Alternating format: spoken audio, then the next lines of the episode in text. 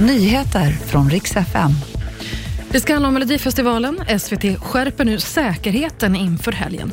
Och stormen Ingun som slagit till med full kraft både i Norge och i Sverige. Stormen Ingun har nu slagit till med full kraft över Norge och Sverige. Norska Bodö, där har hela centrum fått stängas ner och polisen varnar för fara för liv och hälsa om man rör sig utomhus.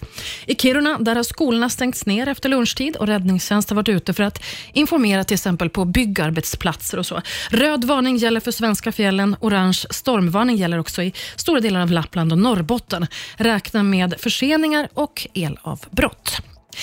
EU-länderna har enats om ett nytt miljardpaket till Ukraina. Det här tog flera veckors intensiva förhandlingar, men nu är man överens. Under toppmötet i december då försökte man också enas, men den gången var det Viktor Orbán, Ungern alltså, som la in sitt veto. Nu har till slut alla 27 länder gått med på att det blir 50 miljarder euro i budget som går till Ukraina. SVT skärper säkerheten under Melodifestivalen. Det handlar om kritiken som har kommit från flera länder mot att Israel ska medverka under Eurovision Song Contest, som ju också hålls i Sverige. Och Det handlar om att man vill minimera risk för att någon stör eller saboterar under sändningarna. Både publik och deltagare ska känna sig trygga, säger SVT. Men i slutändan så är det arrangörerna EBU som bestämmer vilka som tävlar i Eurovision. Och De har hittills sagt att Israel får tävla.